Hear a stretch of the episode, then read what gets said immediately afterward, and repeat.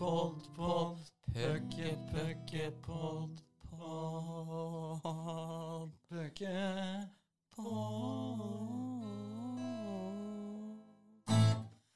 Ja. Det Den triste versjonen som det alltid er når det ikke skal spilles eh, flere kamper. Ja, forrige gang var vel i, eh, etter tap i NM-finalen i 2019. Det var da vi bydde på denne melankolske versjonen av Puckpod-introen. Ja, så hadde vi, vi hadde vel en variant i fjor òg, når vi hadde hjemme alene-fest og oppsummerte året, da koronaen så brått tok fra oss hockeyen eh, også da. Ja, det er, det er mulig. Ja. Trist er det i hvert Trist fall. Men eh, trist skal det ikke bli her Nei. i dag. Det er ikke planen. I dag skal det bli en fest. Ja, vi har uh, besøk av uh, selveste kaktuskongen. Yep. Dagens gjest gir gjerne bort snus i lystig lag. Og får du snus, får du krav på vips og ubehag. Endelig på plass igjen, puckpoddens aller beste venn, St. Patrick Thoresen med egen høytidsdag. Oi, det var bra. Ja. Hva tyks, eh, Patrick? Tusen takk. Også, jeg syns det er fantastisk. Jeg syns dere er flinke. Dere eh, varter opp med nye versjoner av en god komponert eh, låt gang på gang, så jeg er meget imponert over dere. Hjertelig takk. Det, det varmer, Jeg altså. tenkte jeg skulle starte med noe annet enn kaktus i dag. Ja, nei, men du, du legger premissene på en litt annen måte i dag. Det er hyggelig, Patrick. Takk. Det setter vi veldig pris på. Og vi var jo inne på da i limericken med dette med snus, eh, Bendik. Og da tar vi et lite gjenhør fra forrige gang eh, Patrick var her. For da kom ny info på banen, og det skal du ta etter vi har fått fått Ja, jeg tenkte jeg skulle gjøre det. Og da tar vi den med en gang når du nevner en eh, pryll i leppa, Bendik. Vi har eh, fått inn eh, en fra en anonym kilde. Et tips. Han ønsker å være anonym i, i frykt for represalier. Nå er jeg spent. Som han hadde bomma en løsnus av deg på byen. Og så har han fått Vipps-krav på åtte kroner seinere på natta. Så det jeg lurer på, er om at beregner du andel når du deler ut en pris av hvor mye av boksen den er, og så regner du prisen deretter? Åssen var, det- var det der igjen, da? Vi, kan kutte den der, men eh, det var i hvert fall eh, poenget, Bendik. Og nå har det kommet ny info som Ja. Patrick skal få ta stilling til. Ja, det har det. Fordi i søken etter gode storyer så spurte jeg jo samme kilde om, eh, om det var mulig å få noen historier. Og da fikk jeg beskjed om at etter at den historien her kom på lufta i fjor, så hadde eh, Patrick starta en eh, intern etterforskning i vennegjengen, der han da hadde eh, gått rundt og prøvd å søke info, gått gjennom alle vips logger og så til slutt funnet synderen. Så han som hadde levert inn den her, han hadde blitt drapstrua, hevder han. Så der, derfor blir det så vanskelig å få noen ny story i dag. Så jeg fikk bare beskjed om at jeg tør ikke denne gangen. Så har du, no har du noe å si til i forsvar der, Patrick? Nei, det, det stemmer jo. Jeg gikk jo fort gjennom Vipps-loggen Nei, jeg gjorde Vipps-loggen eh, etter den episoden der. Og jeg fant jo fort ut hvem som hadde tysta og snitcha på meg. Ja, For uh, kan jo katta er ut av sekken nå. Dette var jo da Kim Roger Brenden som var det. Men uh, en kjent og kjær person, Jarl Paulsen, hevda jo her at det, det var han som hadde blitt beskyldt for det, til tross for at det ikke var han. Så han gjorde seg sentral også her.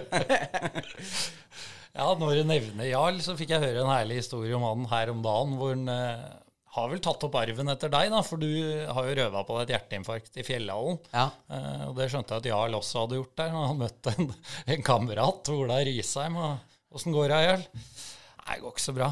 Å? Hjertet, vet du.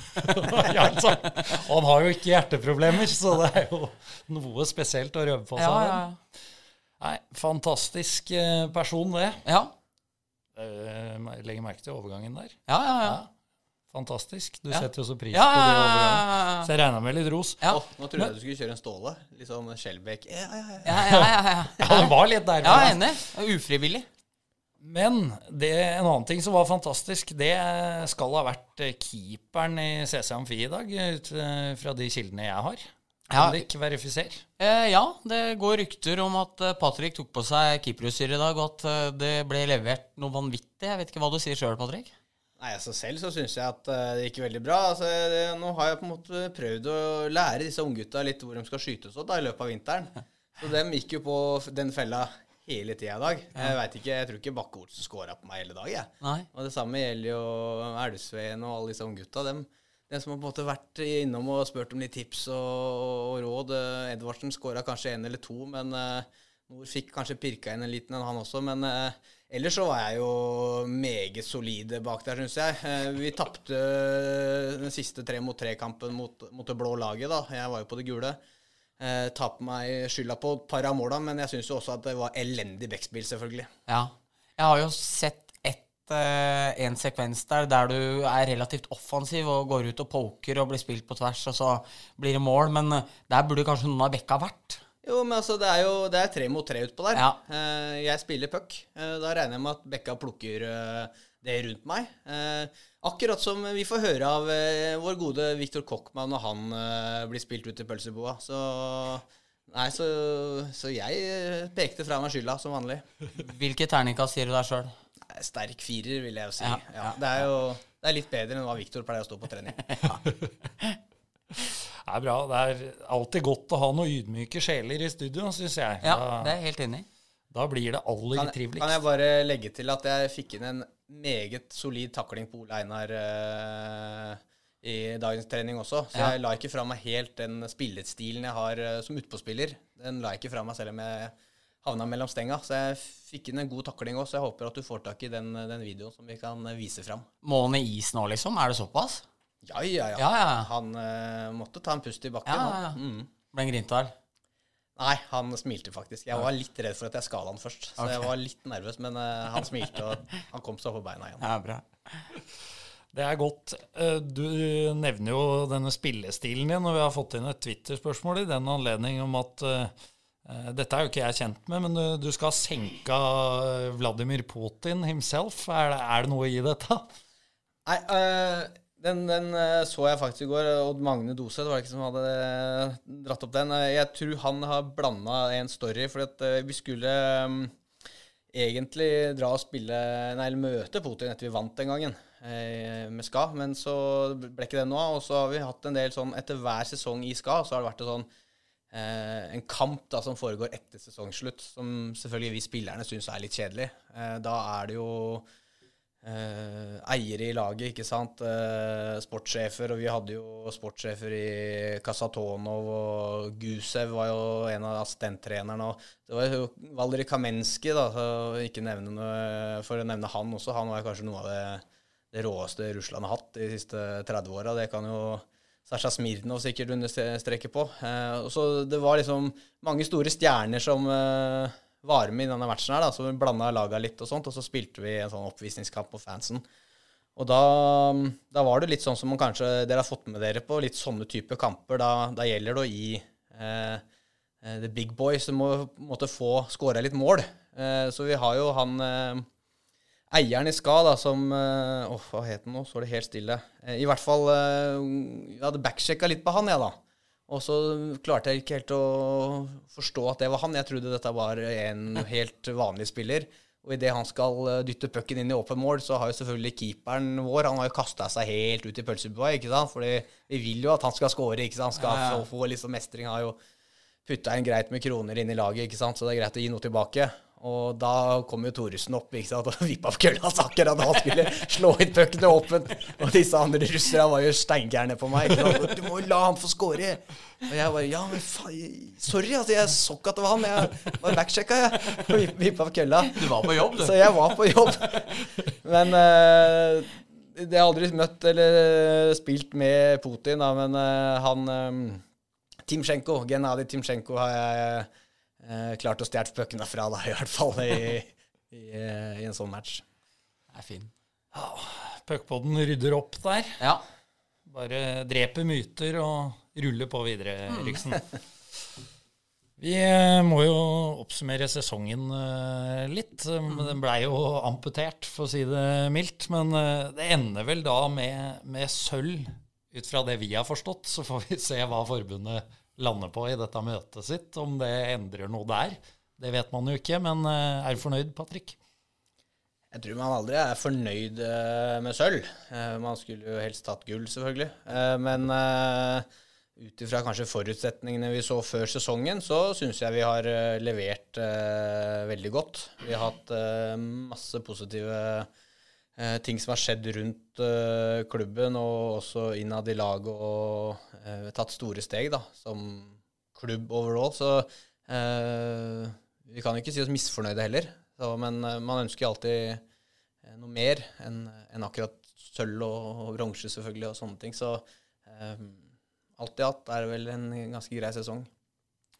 Hvor eh, bittert er det, ikke, er det, å ikke få testa mannskapet i, i, et playoff? Nei, Det er vel litt som alle andre. Jeg tror alle syns det er uh, kjedelig å ikke få spilt sluttspill. Det er på en måte det, det man trener og, og på en måte drømmer om uh, i sånne lange, kjedelige juni, juli, august-måneder. At uh, i mars så, så, smeller det, liksom. Da, da, skal vi inn og krige. og det er oss gutta mot uh, verden, føles det ut som. Og, men, uh, så det er bittert. Og kanskje spesielt i år har vi jo Jeg syns i fjor også hadde vi et uh, sterkt mannskap. Vi hadde fine muligheter til å gå hele veien, som flere lag i serien. Så det er jo kjedelig, selvfølgelig.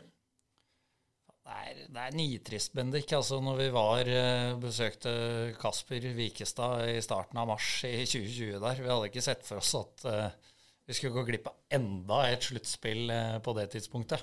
Nei, absolutt ikke. Og det virker jo som det er helt uh, cursa, det her. For det første året da Patrick var hjemme igjen i 17-18, så var jo feilen hans at han var så god at uh, Europas største klubb plukka han over. Og NM-gullet røk der. 18-19-sluttspillet, helt majestetisk hele året. Skada selvfølgelig, og måtte spille på litt, uh, litt Eh, eller ikke 100% i semiene og i finalene. Og så, etter å ha vært poengkonge to år på rad, så ryker playoffet begge åra. Så det, man får jo nesten følelsen av at det ikke er helt uh, meant to be enn så lenge. Men så er jo spørsmålet nå, Patrick. Uh, er, hvor sugen er du på en sesong til nå, når, når det har vært så mye positivt som det har vært for dere i år? Nei, altså Jeg har uh, god dialog med Mats. Uh, jeg har sagt til han uh, jeg må bare få litt avstand fra sesongen, og så skal jeg gruble og tenke. Det er jo jævlig gøy å spille ishockey når, når det går som det går også. ikke bare at det går bra for laget, men det har gått bra personlig også de siste to årene. Og, det er jo kulest å spille ishockey når man er helt i toppen og bidrar, bidrar såpass mye som man gjør. og men man er jo veldig veldig redd for da, den dagen det begynner å bikke, for da kommer det til å bli dritkjedelig.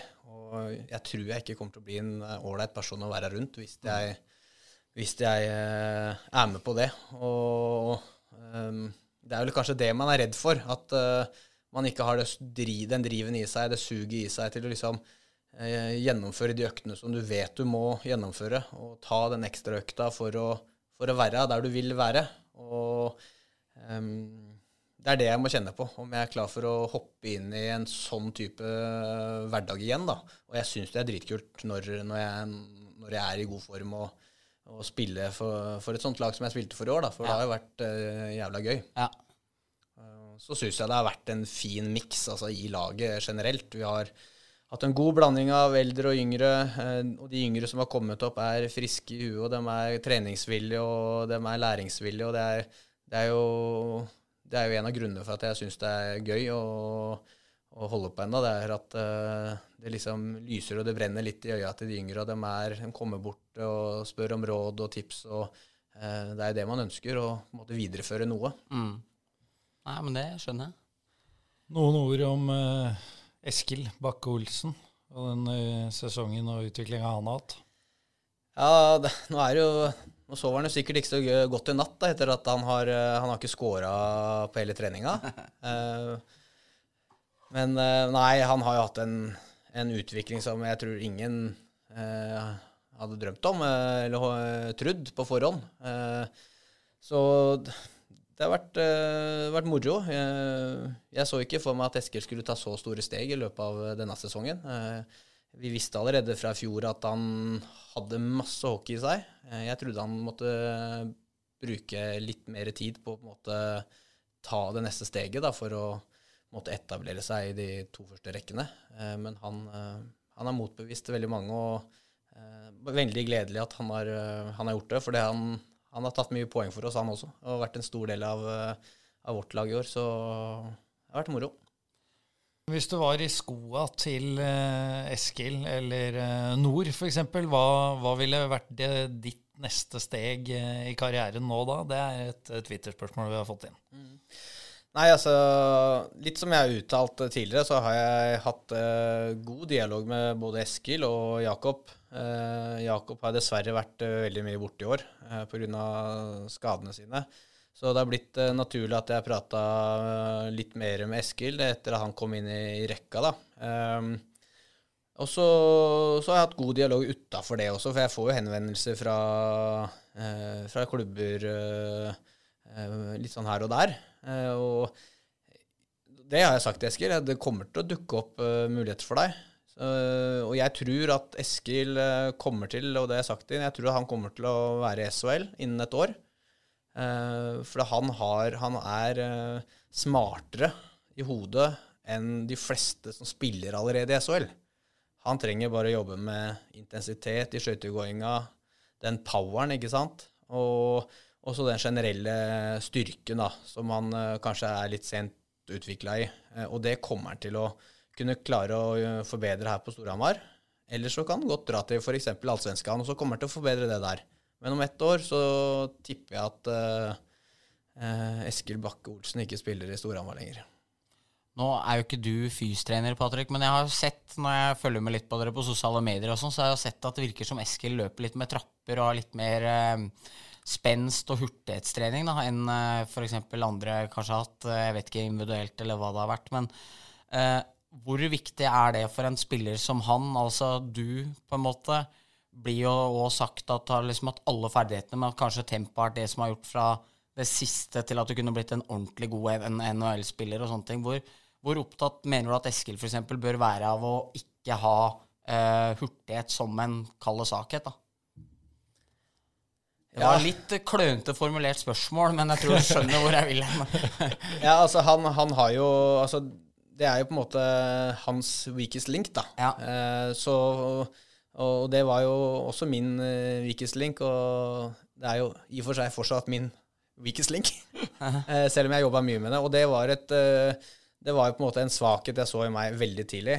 Så jeg husker at jeg begynte å spesifisere meg inn mot hurtighet for å på en måte oppnå mitt potensial. Da. Eh, og vi er alle bygd forskjellig, ikke sant, med hurtige fiber og litt treigere fiber og hele den pakka der. Så for, uh, for Eskil sin del så, så, tror jeg det er helt uh, alfa og mega å på en måte legge ned de ekstraøktene på akkurat hurtighet. da. Mm. Uh, fordi det andre, det har han. Mm.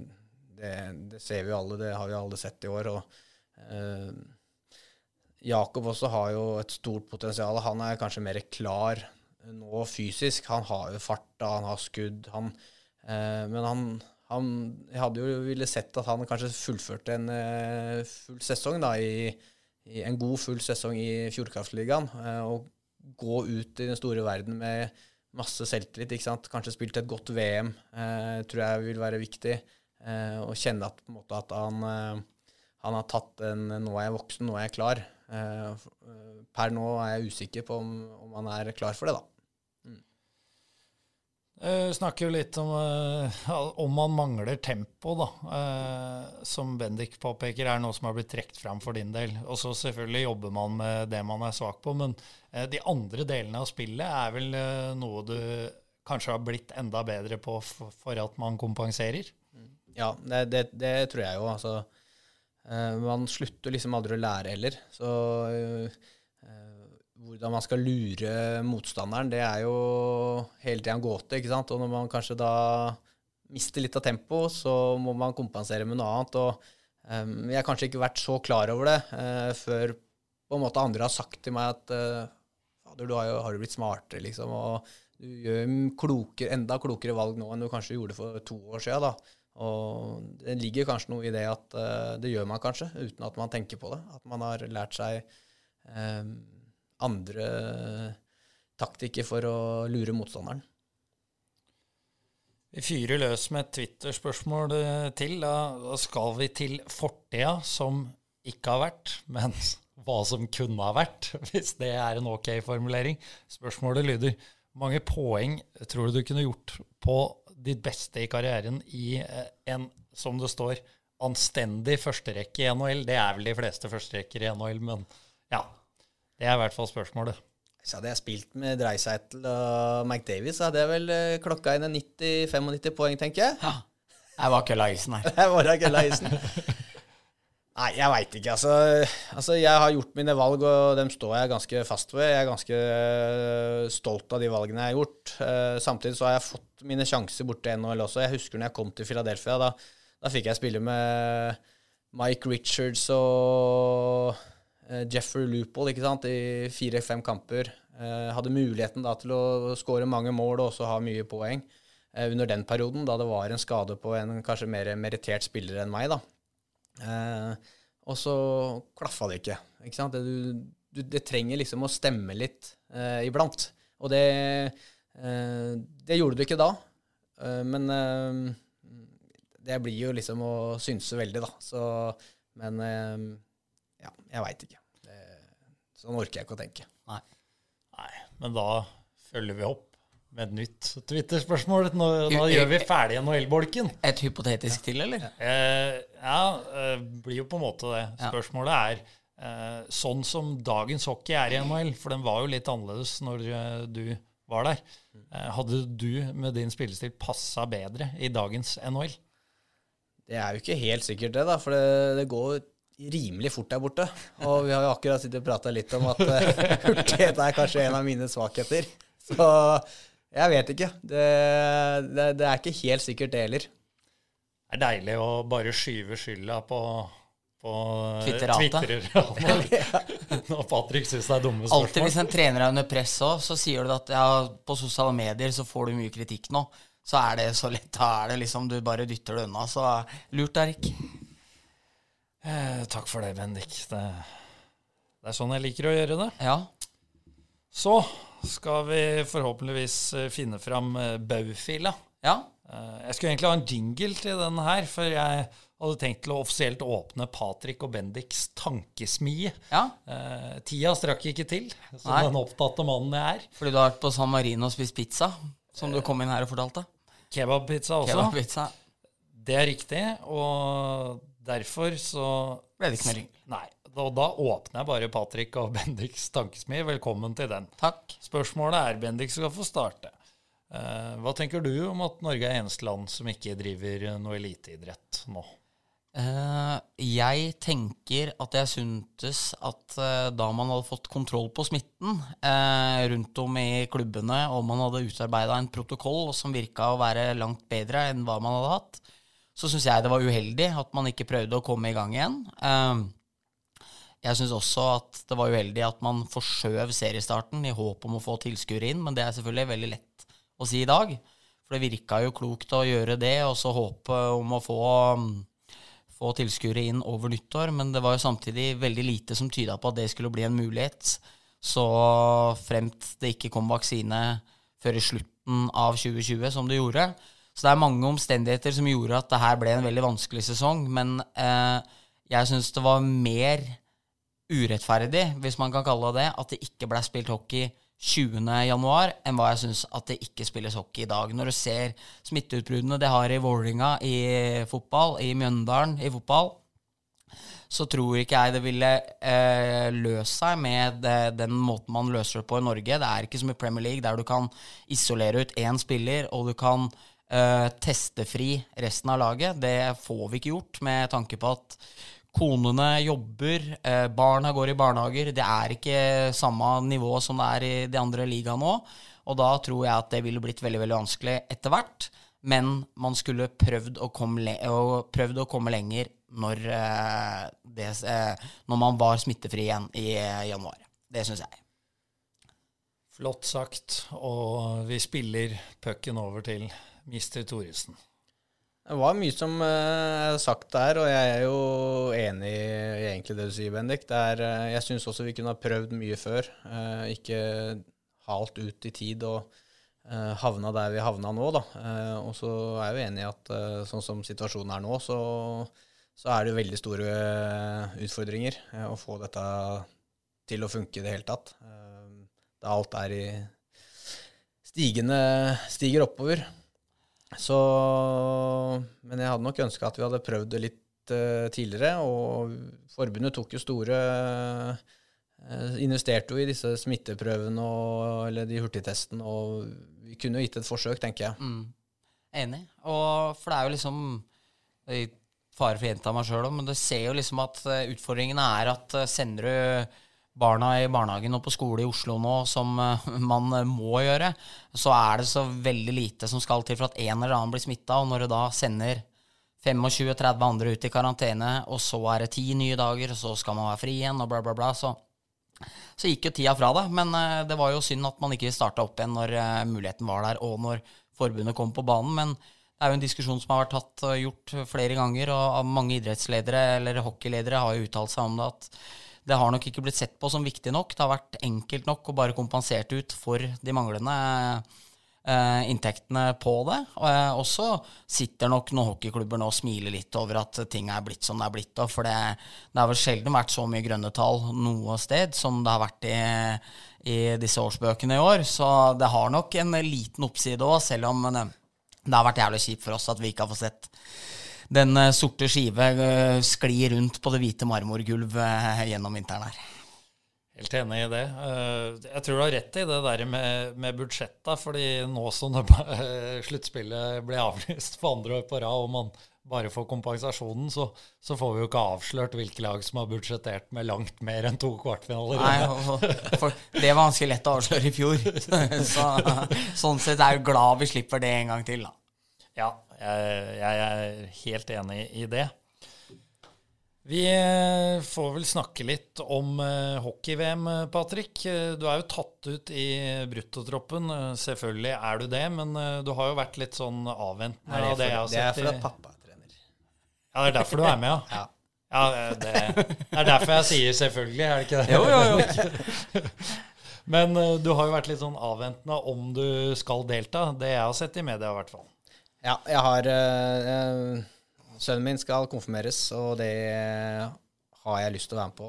Jeg har gått glipp av relativt mye i oppveksten til disse ungene mine, så det er liksom noen sånne ting som har vært viktige, som jeg har egentlig eh, kila ut for at der skal jeg være til stede. Og sånn som det er nå, så er det jo, gjør det jo saken litt komplisert at man for det første ikke har spilt hockey da, på siden 2. januar. Eh, nå blir det en treningsperiode eh, her hjemme i Norge, mest sannsynlig, for landslaget. Og så er det ut og spille noen treningsmatcher. Og hvis man da skal inn igjen til Norge igjen, så er det jo karantene på ti dager. Um, og jeg kan ikke komme til et VM ikke sant, og ikke vært på is på to uker. Ikke spilt noen treningskamper. Uh, jeg veit åssen nivået er der nede, og jeg vet at det krever ekstremt uh, mye av, av, av, meg som, som, spiller. Da skal jeg kunne klare å levere på det nivået jeg selv ønsker å levere på. For jeg er ikke en sånn person som bare kan komme og uh, at ting går av seg sjøl.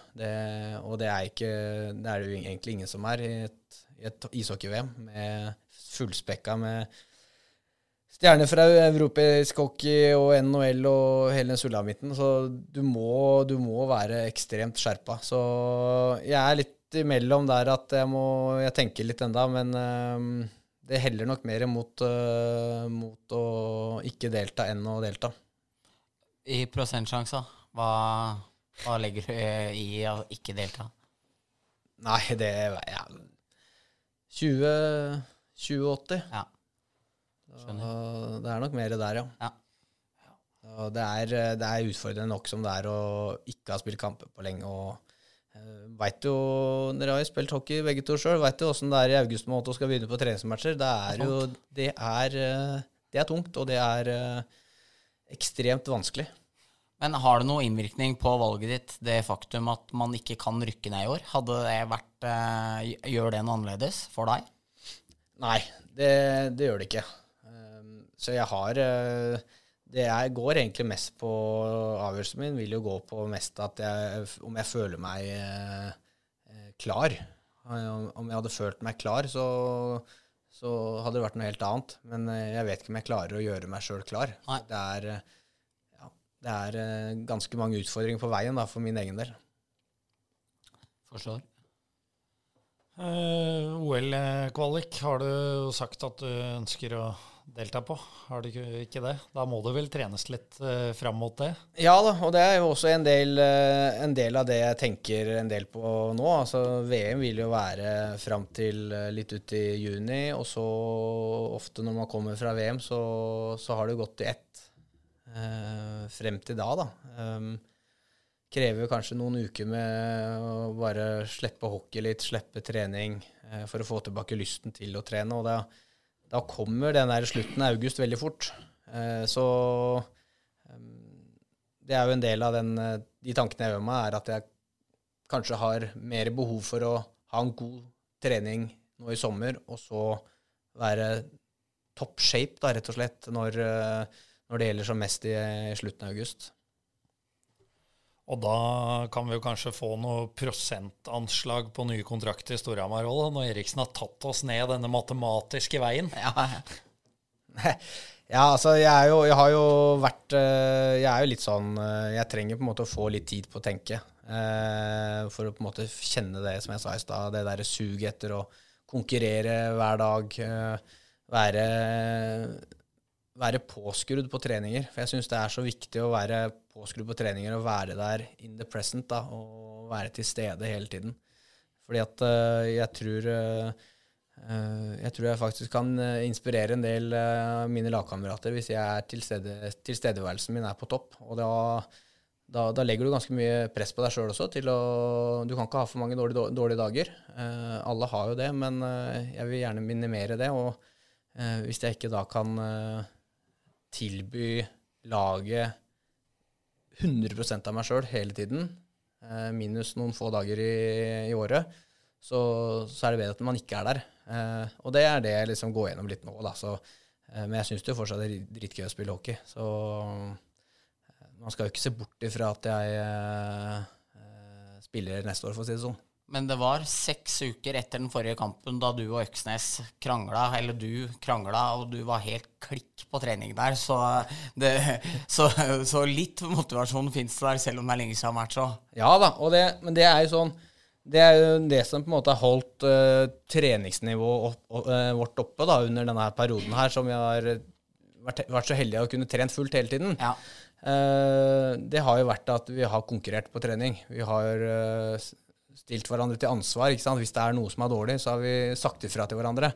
Og det er også en sånn ting som jeg ønsker å se mer fra eh, mine egne lagkamerater. For jeg syns jo at eh, dagens spillere er litt for eh, redde til å si fra til kameratene sine. Og det var litt det jeg gikk inn på den gangen, at uh, når jeg hadde en liten uh, dyst med Andrea, så jeg syns det bare er dritkult ja, å holde på litt sånn, for det, det viser jo at man bryr seg. Eh, det går litt på at man eh, tør å stille kameraten sin litt til ansvar da, for, eh, for, at det er kanskje en dårlig trening, eller at man har dårlige pasninger, eller at han må opp litt. Og da er det ikke bare Det er jo sånn i en liten Kanskje mest i sånne mindre byer, da, der det er veldig bestekompiser ikke sant, spiller på samme lag. og og det skal være lov å si fra til kameraten at 'hei, nå må du opp'. Mm. Dette er faen ikke bra nok. Og uten at det skal ødelegge middagsplanene kvelden etter. ikke sant? Så uh, Andreas og jeg vi dro på hyttetur dagen etter. Vi var like blide og lo litt av det som skjedde dagen før. Så det er liksom såpass skal det være, tenker mm. jeg. Og der har jeg en fin bro, skjønner du. Ja. Fordi eh, når dere da var på den hytteturen, så kom dere opp på hytta der, og så skulle dere smøre dere noen brødskiver. Og så en av gjestene som uh, var med på hytta di, det er jo da spilleragent Håkon Daskerud, som, uh, som tok seg to uh, Til tross for at du er faktisk Du er vel eneste mangemillionæren vi har hatt i det studioet her, men til tross for at du er mangemillionær, Patrick, så tok han to osteskiver på per brødskive. Og det ble reagert voldsomt på av deg. Kan, kan, du fortelle litt om det? Det gikk, jo ikke, det gikk jo ikke så mye på at vi ikke hadde råd til å kjøpe mer ost. Det gikk jo mer på kolesterolinntaket til Håkon Taskerud. For han, eh, han, fikk jo faktisk Vi skulle dro med ut på skitur ja. eh, litt senere på kvelden der. Eh, da gikk vi 100 meter opp de skiløypa, og da fikk han hjerteflimmer. Så han måtte gå ned igjen. Og det er klart at eh, da, som en kompis da, så Så tenkte jeg at det holder kanskje med den ene osteskiva. Ja. Så ikke du stryker meg her oppe i, oppe i dalen, oppe i Valdres- Ja. Så jeg var mer bekymra for han enn at uh, For osten. For osten, ja. Ja. For han sa at du hadde, du hadde sagt Han sa at han hadde sett det på de senka bryna, og så hadde du sagt 'Det henger ost utafor brødskiva', Håkon. Jo, jeg tror fader det må være tre ostebiter. Altså det, er, det er jo ikke magemål på den, det, det ser vi jo. Altså, det var det et spørsmål om helse, dette her. Altså ikke, ikke et økonomispørsmål. Helt riktig. Ja. Det er- Taskerud får det. Jeg tenkte jeg skulle spørre i stad, egentlig, når du snakka om at du, klubber tar kontakt med deg om unggutta, om du driver og skviser Taskerud ut av markedet når, eh, når din karriere er over? At du tar over som agent? Nei, absolutt ikke. Eh, Men jeg syns det er eh, veldig givende å Når klubbene ringer meg, så vil de alltid få et ærlig svar av meg. Og jeg syns det er gøy å på en måte være som mellommann, da. Nesten litt som en eh, rådgiver. Eh, Og hvis eh, mine lagkamerater da kan betro seg til meg med å spørre om råd og, eh, og tips om på en måte sin karriere, så er jeg mer enn villig nok til å gjøre det helt, helt gratis. Ålreit. Og så har vi snakka, eller i hvert fall jeg har drevet og lansert ideen tidligere, husker du det, om at det året Patrick gir seg Nå håper vi ikke at det skjer riktig ennå, men istedenfor da å komme altfor fort inn i, inn i en trenerrolle eller liksom på høyt nivå, så er det i hvert fall åpen invitasjon fra Puckpodden om at du kan bli et fast medlem, i hvert fall det første året, hvis du liksom Da gir oss litt den der spit and chittles eh, da tar vi det opp et nivå med å liksom ha en tidligere proff òg. Så det skal du vite, Patrick, at det har vi prata om. At du er hjertelig velkommen til å bli fast medlem hvis du har lyst den dagen er ferdig. Jo, takk for det. Da må vi ringe til han Paul Bissonette, og så må vi få litt stories og sånt. Ja, ja, ja. Da gjør vi det ordentlig, liksom. ja, ja, ja. Men da er det er litt annet å ringe rundt til folk og si at ja, hvem er dere? Og så ja, ja, han, han som ble slått av Malkin i siste perioden i VM på poenglista, kontra å si jeg er to som snitta på mellom 0,2 og 0,4 poeng i førstedivisjon i en årrekke. Det er jo liksom Vi har litt mer å komme av med. Ja, 07. 0,7. Men eh, det, det veier kanskje ikke så Ja, tungt, det heller. Nei, det gjør nok ikke det. Nei, men eh, det er det du sier nå. Eh, Nå virka det jo veldig positivt. Du tilbyr Patrick jobb. Ja. Det trenger han jo. Han Ja. ikke så mye penger, som Nei. du var inne på tidligere. Hæ? Men så viser det seg at du egentlig skal ha han til å være mer en sekretær. Du Nei. skal ha han til å ringe Et, gjester. nei, det var det han som ville.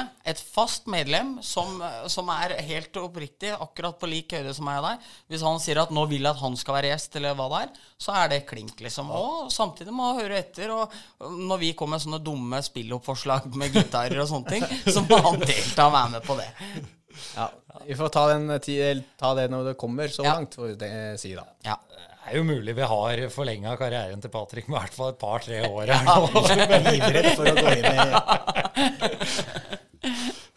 Ja, men det hadde vært moro. Det hadde. er ikke noe tvil om det. Og da kan jo vi bli stramma opp litt òg. Ja. Kommer med de dårlige forslaga. Ja. Da går vi opp i falsett. Yep. Ja!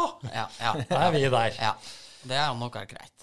Det er lovende spørsmål fra Tor Hagenborg. Eh, ser Patrick Thoresen for seg en karriere som trener? Jeg ville gjerne sett han som trener for U18 eller U20-landslaget som en start. Absolutt. Det kan uh, fort være at jeg eh, går inn i de rekkene der.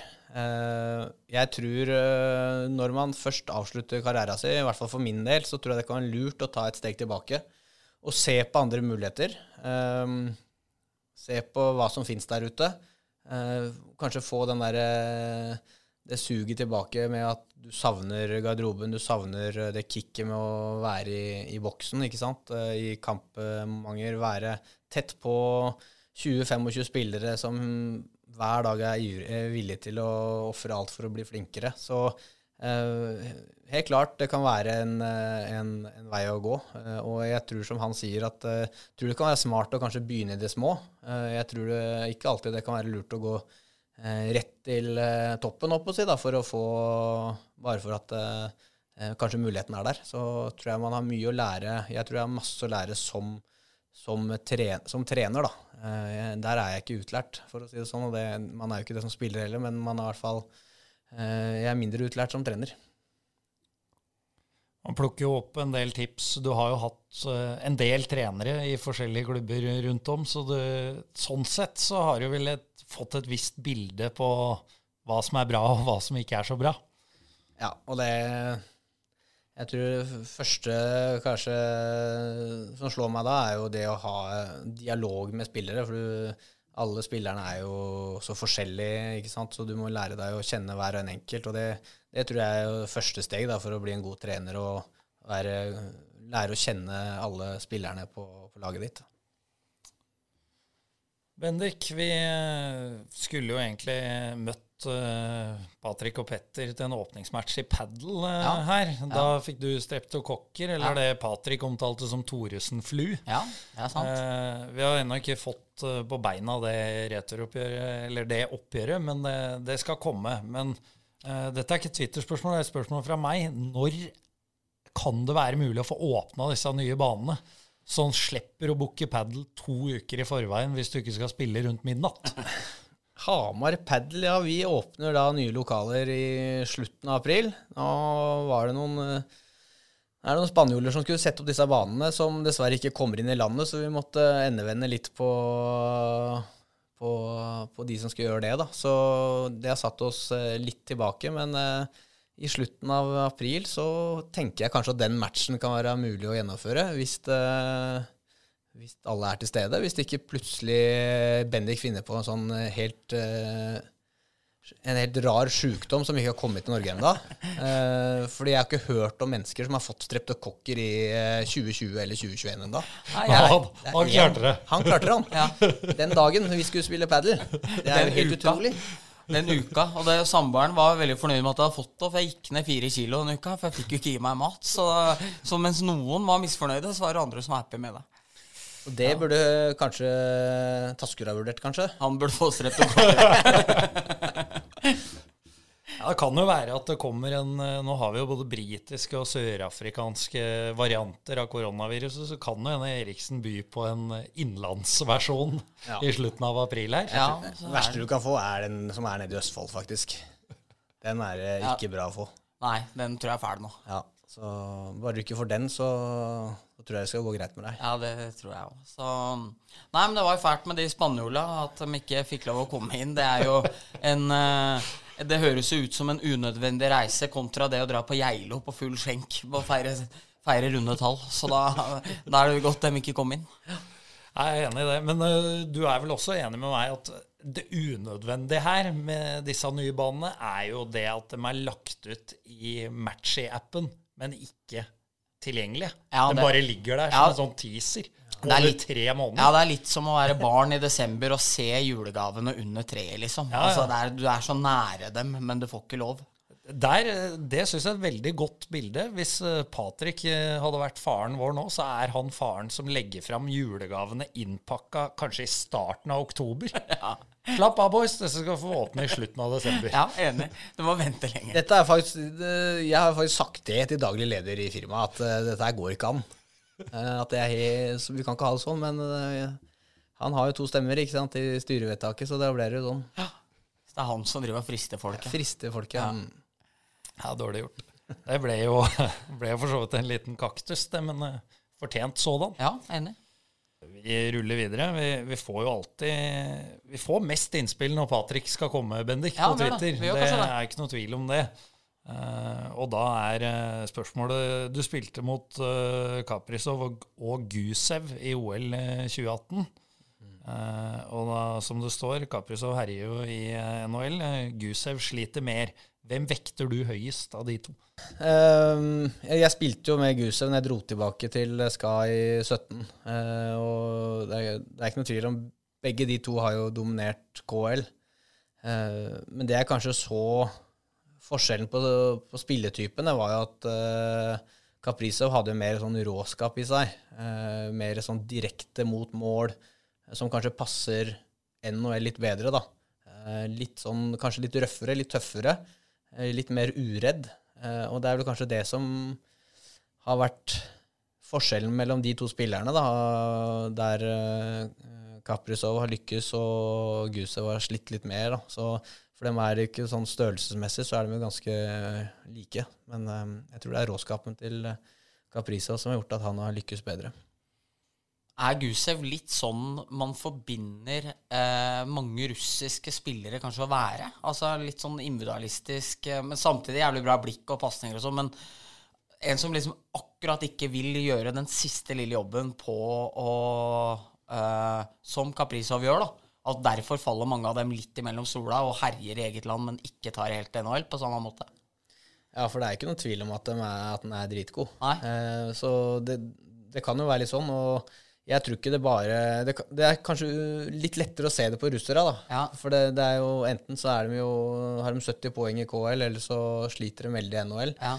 Mens eh, det er kanskje ikke så åpenlyst på kanskje en, en svenske eller en uh, tsjekker eller eh, noe sånt noe. Så det har vært mer tilfeller av at russere kanskje har falt litt gjennom der borte enn en, en, enn de andre store nasjonene, da. Og så kan det være, uten at jeg kjenner jo mindsettet til enkeltspillerne her, med at kanskje en svenske som produserer mer, er mer villig til å uh, gjøre en hardere jobb og på en måte vise sin verdi der, enn f.eks. en stor stjerne som Gusev er i Russland uh, når han er i NHL. Jeg vet ikke. Ja, så det Ja, det, det er mye mulig. Uh, svensker og Svensker og eh, Spesielt svenskene har jo en god, s- eh, godt standard i, i NHL på liksom at det er lagspillere, og det, du vet hva du får, og eh, Kanskje ikke så flashy som disse russerne, da, Nei. men uh, du, du vet jo at du får en meget bra spiller og, og en som vil gjøre alt for laget. Da. Og det,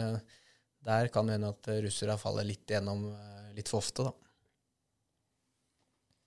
Vi har eh, vært innom når du har vært her tidligere eh, med noen drømmefemmer og greier, så vi, vi tar ikke det en gang til. Men det her eh, tror jeg kanskje ikke vi har vært innom. Hvem er den beste spilleren du har spilt sammen med i Storhamar?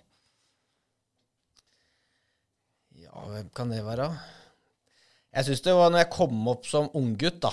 Eh, nå hørte jeg jo Mats nevne samme navnet, så det var kanskje derfor det ligger såpass eh, friskt, i, friskt i minnet. Men som Beck, da, så var jo Sasha var jo oppe og var en av de, altså Han var kanskje den beste bekken i landet da når jeg kom opp som unggutt, og han var jo dritgod. Eh, så han er jo på bekken uansett eh, hva man vil si, så er han den beste bekken som, var, som jeg møtte i den norske ligaen. Eh, for han, eh, han likte jo å ta oss unggutta litt òg, og skremme oss litt. Så han er sånn som når du skulle runde rundt en pilon og sånn, så kom han rett opp i pilonen og bare skremte deg, skreik deg opp i trynet. Så du var jo livredd for å gå rundt en pilon neste gang. så, men eh, han var god, og så Eh, så har jeg ikke vært så mange år i Storhamar. Så jeg syns de sesongene sånn som nå med Jeg syns Rasmus er en god spiller, ikke sant. Viktor Svensson var en god spiller, eh, som jeg spilte med. Og jeg syns Cody ble bare enda bedre.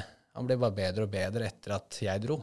Eh, så han var vokst eh, som spiller og person når han bare fikk enda mer ansvar. Så eh, ja, få si de, da. Eh, Har jeg glemt noen? Nei, jeg tenkte mer på det du sa om, om Curran, om han hadde Thoresen-flyet fram til du dro tilbake til Russland der, om det var det? Jeg, jeg, det var jeg lurer faktisk på. Jeg tok jo med Cody på litt sånn sykkeløkter og sånn, vet du. Han hata jo det. Uh, drive og sykle Bjarnes og ditt og datt uh, før trening på morgenen. Det var egentlig ikke noe for han. Så når jeg dro, så hadde jo han egen sånn uh, Jeg har jo noen sykkeløkter som vi kaller Tore Go. Og når, to, når, Cody, når jeg dro, da, så omdøpte Cody da, til en sånn rolig sykkeløkt til eh, Cody Go. Det var det var jo rolig sykling på ca. 20 minutter, og så var det sette seg i sofaen og ta en kaffe. Så kanskje han var, han var ferdigtrent. eh, Og etter det så bare pika han oppover, og, nærme, og bedre og bedre ble han utover i sesongen. Ja, sant. Det er riktig. Skal vi ta en uh, liten røver av Bendik? Har du forberedt noe? Ville ikke si det til meg i går. Eh, jo da. Så, svarte vel ikke på spørsmålet engang? Nei, det er internkommunikasjonen i vårt svære firma Erik, er ikke alltid på topp. Eh, Det er ikke. eh, nei da, jeg, jeg begynner å gå litt tom, så hvis folk har noen gode røvere, så er det alltid lov til det. I dag skal vi tilbake til eh, mitt kjære hockeylag, eh, Team 90. Det var ikke noe stort uh, hockeylag. Uh, der vi hadde da Lars Erik Saksrud som trener. Og vi hadde en på laget som ikke hadde noe særlig til spenst.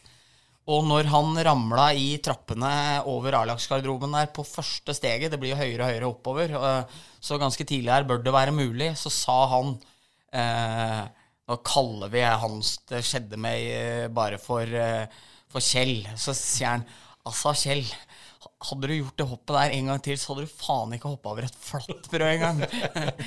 så, så vi får vel ta Lars Erik Sakserhus eh, klare beskjed til gutten som falt i trappa. Ja, og det hører vel med til historien at denne gutten lå jo og gren og blødde på begge legga. Ja, for det var vondt, men uh, det var lite sympati å Og Du hoppa jo inn i betongen med legga først. Ja, og så, så skal vel uh, historien ha vist at Lars-Erik var ikke noe treningsnarkoman sjøl heller, så, så man, man fikk i hvert fall strødd ordentlig salt i, i fallsåret der.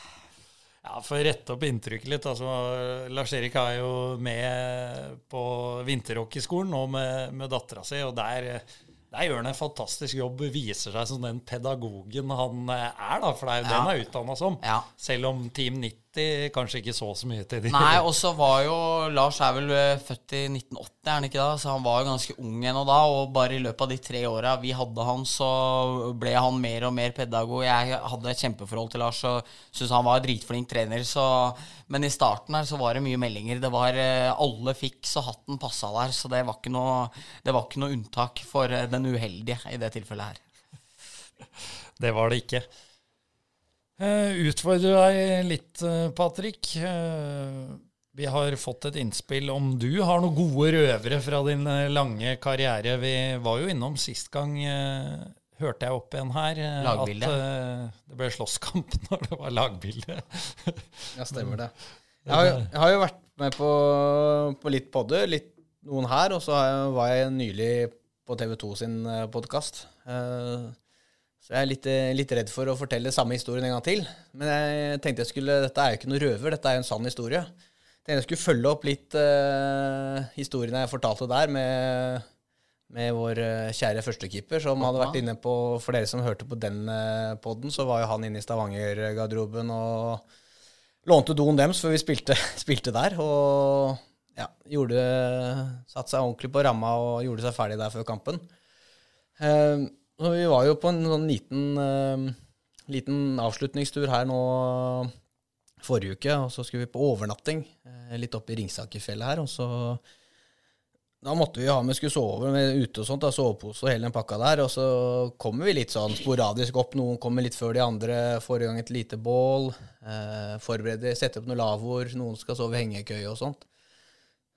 Litt, eh, litt kos og litt attåt, ikke sant, på kvelden for å holde varmen. Det, det holdt jo ikke for vår kjære keeper, for han hadde jo tatt på seg eh, penskoa sine. Det var jo minus sju ute. Og så pluss at den eh, begynte å bli litt kald, så, så var det, hadde han jo lyst til å komme seg hjemover, da. Eh, utover kvelden der. Så han hadde jo tatt stien feil vei. Og vi gutta ble litt sånn bekymra for hvor, eh, hvor blei av kokken. Så vi fant den jo på Snapchat, da. Da hadde han jo klart å rota seg bort ned i helt totalt feil retning. Og dama hans skulle jo plukke den opp uh, på andre sida der, så vi, vi fant en litt forfrust uh, Viktor Kokkmann uh, to kilometer fra, fra, veien. Og han var så glad når han så det var to lykter som kom igjennom eh, skogen der. Han følte seg redda, og han var litt forbanna. og Jævla nordmenn skal ut i, på, gå på tur hele tiden og sove ute. Og, så vi var litt redde for at vi skulle miste han, da, rett og slett. Ja, i lakksko. Ja, i lakksko, ja. Så han Han er en type. Ja, det, det hørte jeg. hørte visematerialforvalter, visematerialforvalter Tom Rune Edvardsen også, sa det at han sitter på bussen, og plutselig så bare begynner han å le av seg sjøl når han kommer til å tenke på et eller annet gøy og sånn. Det, er- det må være herlig å ha det sånn. Ja. Han er helt nydelig, altså. Ja, Nei, ikke Sveriges svar på Lars Monsen, åpenbart. Åpenbart ikke. Så du tok meg litt der. og får se om jeg kanskje kommer på en annen type røver litt senere i sendinga. Nå har jeg sikkert holdt på litt, da, men plutselig så dukker det opp noe, vet du. Ja. Ja, bare Må ikke nøle med å, med å bryte inn. Det er jo også god trening eh, for deg til du skal inn i panelet når, eh, når karrieren er over? For det, det ble avtalt her i stad, Bendik, var det ikke sånn? Jo. Jo. Strålende. Da går vi videre til eh, nye faste spalter, nemlig ukens kaktus og ukens røver. Eh, Nei, ikke ukens røver. Nei. Ukens kaktus og ukens kvast. Sorry. Det, ja, skal vi inn på en eh, Jeg ble så opptatt, for i det vi sitter og spiller inn det her nå, så har det kommet innstramminger fra regjeringen. Så nå blir det brutalt strengt igjen. Så det er sikkert siste gang vi sitter her i podlokalet sammen nå. Så derfor så bare ble jeg tatt litt off guard der. Men eh, nå er vi i eh, rosens eh, land. Skal vi begynne der? Ja, jeg tenker det. Vi begynner med ja. ja, det passer egentlig fint, for da får jeg gjort det sånn som jeg vil. Eh, I går, da jeg eh, averterte at Patrick skulle være gjest eh, her, så eh, kom det jo en del spørsmål, som du sier.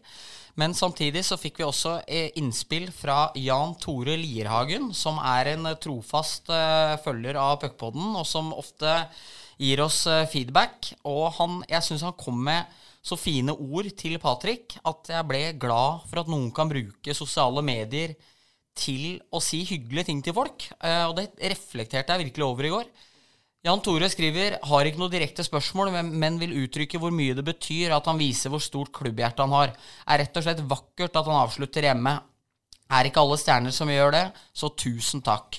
Og da skal Patrick få svare på hva han syns om det, men jeg syns i hvert fall det var veldig fint at uh, noen uh, bruker disse kanalene til å si hyggelige ting til folk. Så Jan Tore Lierhagen får min uh, blomsterbukett i dag. Det er vakkert, Jan Tore. Takk skal du ha. Ja, det er jo det det er. Det er jo ekstremt hyggelig å få gode tilbakemeldinger. Det tror jeg alle syns, og det syns jo jeg også. Så eh, jeg får bare takke for, eh, for god tilbakemelding. Jeg kan legge til nå når vi er inni der, fordi i fjor, da koronaen virkelig slo innover oss, og folk frykta konkurser og det ene med det andre, så var jeg og faren min ute og gikk tur, og så, så sier vi liksom at nå er alt dritt og sånn. Så sier han det verste, vet du. Tenk om ikke vi får sendt Patrick Thoresen spille mer for Storhamar. Så ikke sant. Det er, eh, det er eh, det er Det betyr mye for mange, så det er jo hyggelig, da. Også hyggelig at eh, Patrick velger den tilnærminga med å takke istedenfor å gjøre som, som Bernt Hulsker når han ble takka for kampen i, i reserve. Ingen årsak. altså, det var sterkt, Patrick. Jeg skal ta min uh, veldig kjapp, uh, kjapt. Jeg gir uh, kvasten til eh, Stavanger Oilers og Storhamar. Kanskje flere klubber etter hvert som eh, ikke permitterer sine ansatte i den runda her. Det, det syns jeg er eh, flott gjort. Tiltredes. Eh, man kunne jo sikkert prøvd fjorårsvarianten og vært litt kynisk og permittert til august. Men eh, det ble ikke gjort. Det syns jeg er fint. Mm, enig. Nei, jeg, jeg har ikke, Som vanlig så har jo ikke Bendik informert meg om dette her. Men jeg du burde- hører på hver Ja, jeg, burde, jeg burde ha vært litt bedre forberedt sjøl òg. Men jeg, jeg henger meg litt på, på det du sier, eh, Eirik. Fordi at eh, jeg vet at eh, det er noen eh, som sitter litt høyt i administrasjonen vår, som uh, virkelig kjempa for at uh, det ikke skulle bli permisjon. Og de som kjempa for det, vet hvem de er. Og på vegne av gutta så vil jeg si takk. Det er bra. Så vakkert og flott å sitte her i dag, Bendik. Ja. Nå skal vi gå videre til eh, slakt, da, eller til eh, Ja. til, eh, til noe negativt. Ja. Og da er det en blanding av meg selv og legemiddelindustrien jeg skal ta. Ja. For jeg skal gi meg selv og min naivitet eh, virkelig eh, tornebukett midt i trynet. Fordi i fjor, da, da man liksom konkurrerte Moderna, Pfizer, AstraZeneca og drit og dra om å være først, så trodde jeg, så dum som jeg er, at når Pfizer var først, så skulle da de måtte gi eh, eh, hva heter det, patenten, sånn at alle andre også kunne gjøre som dem og hjelpe folk til å bli friske. Men i stedet så er jo jeg som ikke skjønner hvordan man tjener penger og sånne ting, så sitter jo folk og tjener penger på aksjene deres, og mens folk dør nå, så danser eh, de på gravene deres. Og eh, Jeg blir altså så jævlig forbanna når jeg ser AstraZeneca ta livet av folk med blodpropper, som vi nå får bevist. Vi ser at eh, far, eh, faren øker med 2,6 for eh, innleggelse og, og andre ting eh, når det finnes hjelp. Og ser WHO nå etterlyser patent sånn at man kan gi medisiner til India og Kina og andre hardt ramma land. Og så sitter det svin på toppen og pisser på de som dør og blir skada av det, i langt større utstrekning enn hva vi blir i Norge. Så eh, jeg må da si at f.eks. til dem Og det fryder meg at Russland har hacka dem og lagd Sputniken sin på dems eh, eh, patent. Det syns jeg er så deilig. Håper hele Russland er fullvaksinert, og at han toppen av eh, Pfizer og dritten der får det helt jævlig. Så det er fra meg, for nå er jeg så koronamør, Erik. Og jeg kjenner at det der, eh, regjeringens innstramminger nå gjorde ikke noe bedre for den tiraden her. Så ah, ah, fy faen, jeg hater legemiddelindustrien. Gjør folk narkomane for at du så må bruke dems eh, produkter? Svin. Ja. Takk for meg. ja, det var eh, Blei litt varm òg. Ja. Det er bra, det, Bendik. Ja, det er bra. Jeg lik, likte det. Du er bra pålest. Ja. Her eh, fikk vi fyr på gamle Eriksen òg. Det, Ja. det skal jo ikke så mye til, sier de som kjenner den, men det er alltid godt. Ja. Alltid moro. ja. Eh, Jeg hadde forberedt meg litt på at dette her eh, muligens kunne være siste pod, så eh, da må jeg ta en liten en som jeg gjorde i jula. ja. Der du strødde litt? Ja, da må vi, må vi ta tre ting. Det ene var du litt inne på tidligere, da, med i Rosen, med sosiale medier og sånt nå. Og bare sier jeg det kort og enkelt. Kommentarfelt. Det er bare å legge ned hele dritten. Ja. Det, Det er ikke vits. Nei. Det kommer ikke noe godt ut av det. Så det er kommentarfelt for den første. Så skal vi til treskjeer og pappsugerør, Ja, det er noe dritt. som eh, det nå har kommet eh, forbud mot plastikk, da. Ja. Eh, det er jeg med på. Selvfølgelig skal vi gjøre ting som er bra for miljøet.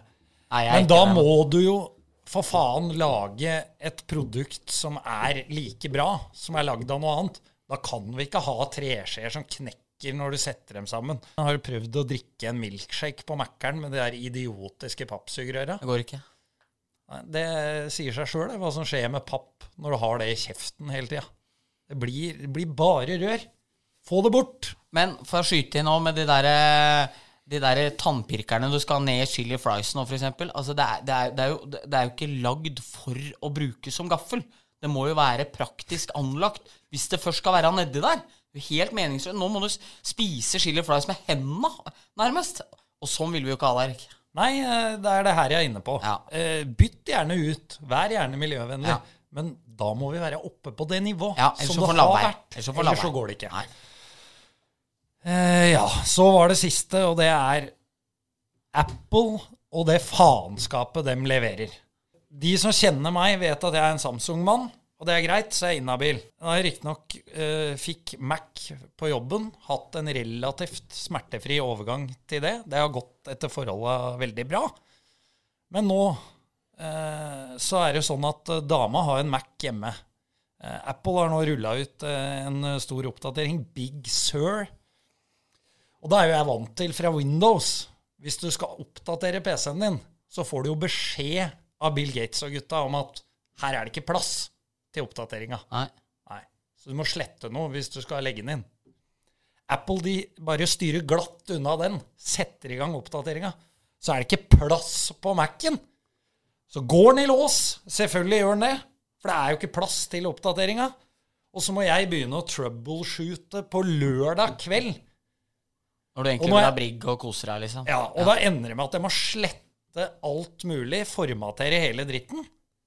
Og når jeg da kan installere denne Big Sur-oppdateringa, da har jeg ikke harddisk, får jeg beskjed om av Apple Link. Nei, det er ikke noe harddisk å installere operativsystem på. Ja vel. Ny time, i gang. Få oppretta harddisken igjen, og så etter en god time til så er oppdateringa på plass. Og har mista alt som er på Mac-en. Horribelt. Et buljongselskap uten like. Apple Inc. For en gjeng med kokoser. Og etter så Takk mange meg. timer så er du mest sannsynlig ganske full òg, og da kan du ikke starte å jobbe. På lørdag kveld. da, da må du vente til dagen etter. ja. da kommer du uforberedt ikke sant, på det møtet du sikkert skulle på på søndagen. Ja, ja, det er er helt håpløst. Det er bare møkk. Så folkens, kjøp Samsung og alle andre merker som ikke Apple har lagd. Det er min oppfordring. Patrick, du skal få ta over. Nei, jeg skal eh, Jeg er jo litt inne på den, eh, den 12-serien, jeg, da. Jeg går litt over til hockey. Eh, Jeg syns jo det er Jeg vil bare gi det en kaktus til de som har drevet lobbyvirksomhet for å få i gang tolv lag i denne serien her. Jeg syns det blir i hvert fall to lag for mye. Det blir eh, ikke for å sette noen eh, lag eh, i dårlig lys, men jeg tror norsk hockey har ikke nok gode spillere til å lage en serie som, som kan bære tolv lag. Og, og da syns jeg det er synd at eh, det står på agendaen, i hvert fall. Så får vi se hva det blir til slutt. Uh, men eh, at sju av ti lag har stemt for tolv lag Nei, det er jo tolv lag. Det uten noe lobbyvirksomhet i bakgrunnen, det har jeg vanskelig for å se. Men eh, så ja, Jeg bare kjører på en liten kaktus der, for det tror jeg har blitt eh, gjort. Det er vel eh, litt sånn eh, Eriksen har inntrykk av Man har jo snakka om hvor flott det er med Narvik, eh, som eh, da er i Fjordkraftligaen. Eh, tror du vi hadde hatt samme diskusjon hvis Grüner var nummer ti? Vi var litt inne på det sist. Ja, eh, nei, det er jeg redd for at man ikke hadde hatt. Men eh, jeg skal trå veldig veldig varsomt med å si noe om det her nå. For jeg syns det er interessant det Patrick sier. Og det er, jeg har jo også fått meldinger av flere andre eliteseriespillere. Jeg ser jo Bondsaksen f.eks. skriver jo på Twitter at dette gjør ligaen mer uinteressant. Så jeg sliter litt med å se symbiosen mellom eh, klubblederne og spillerne som eh, uttaler seg ganske forskjellig om det her. og jeg syns heller ikke man ser veldig mange på sosiale medier heller som er veldig happy for det. Så jeg vet ikke, men eh, for norsk hockey, det er jo et stort spørsmål man må ta. Man skal jo da ha en konkurransedyktig serie, og skal du inn i et VM der du kanskje har potensielt en 13-14 spillere fra egen liga, og du har Ringerike, Lørenskog, Gryner, Narvik, eh, MS og Stjernen i samme liga, så er det kanskje noen lag for mye. Eh, men det er jo bedre at eh, andre svarer på enn meg. Men noen utfordringer er det jo. Jeg må si at det er jævla digg å komme til Grüner òg. Kjøre en sånn bestilling på Fodura før matchen, og så kvart over ni så står det en knallgod burger og litt eh, søtpotetfries med litt sånn chili mayo. Ja. Det er jo det er plusser med Grüner òg, altså. Det skal man ikke ta fra dem. Nei, det er sant. Det har jo vært nevnt her noen ganger, men eh, jeg gikk jo av der og faka en skade for eh, to sesonger siden. Og gikk på puben og tok et par pils og så på litt Liverpool og koste meg før, eh, før gutta tok bussen hjem. Så Gryner skal være med, det er det ingen tvil om. Trivelig på Løkka. Ja. Det er ikke noe tvil om det. Jeg, jeg, jeg skal Ok, da jeg skal erkjenne at jeg kjørte en sånn liten variant i fjor. Eh, Ja, vi leda litt mye der. Vi hadde med litt mange unggutter som satt på krakken, og vi leda 7-2 når det var ti minutter igjen. Da spurte jeg Mikka om jeg kunne gå av. Om det var de unggutta kanskje kunne spille. Ikke noe problem. Og tre minutter senere så satt uh, jeg og en annen spiller på Hva er det heter Hamrock? Ham Hamrock? Shamrock. Shamrock. så det var en lørdag, vi hadde fri dagen etter, skal jeg legge til det, men eh, ja, vi tok siste tre minutter da på TV2 Sumo. ja, det er lov. Det er lov, Ja. er det ikke det? Jo, sånn det må være. Sånn gjorde Øystein Olsen. Ja, og folk syns han er fet. Ja. Så det er, det er ingen fare. Det er, begynner vel å bli på tide å, å runde av, da. For eh, jeg må videre. Ja. Og, så Ellers så kunne jeg gjerne sitte her eh, lenger. Ja, absolutt. Tusen takk for at du kom, eh, Patrick. Takk for at jeg fikk komme. Takk for at du kom, Bendik. Takk for at du kom, Erik. Takk for det. På gjenhør. Ja, er det det nå? Ja, Kanskje. kanskje. Vi får Alle. se.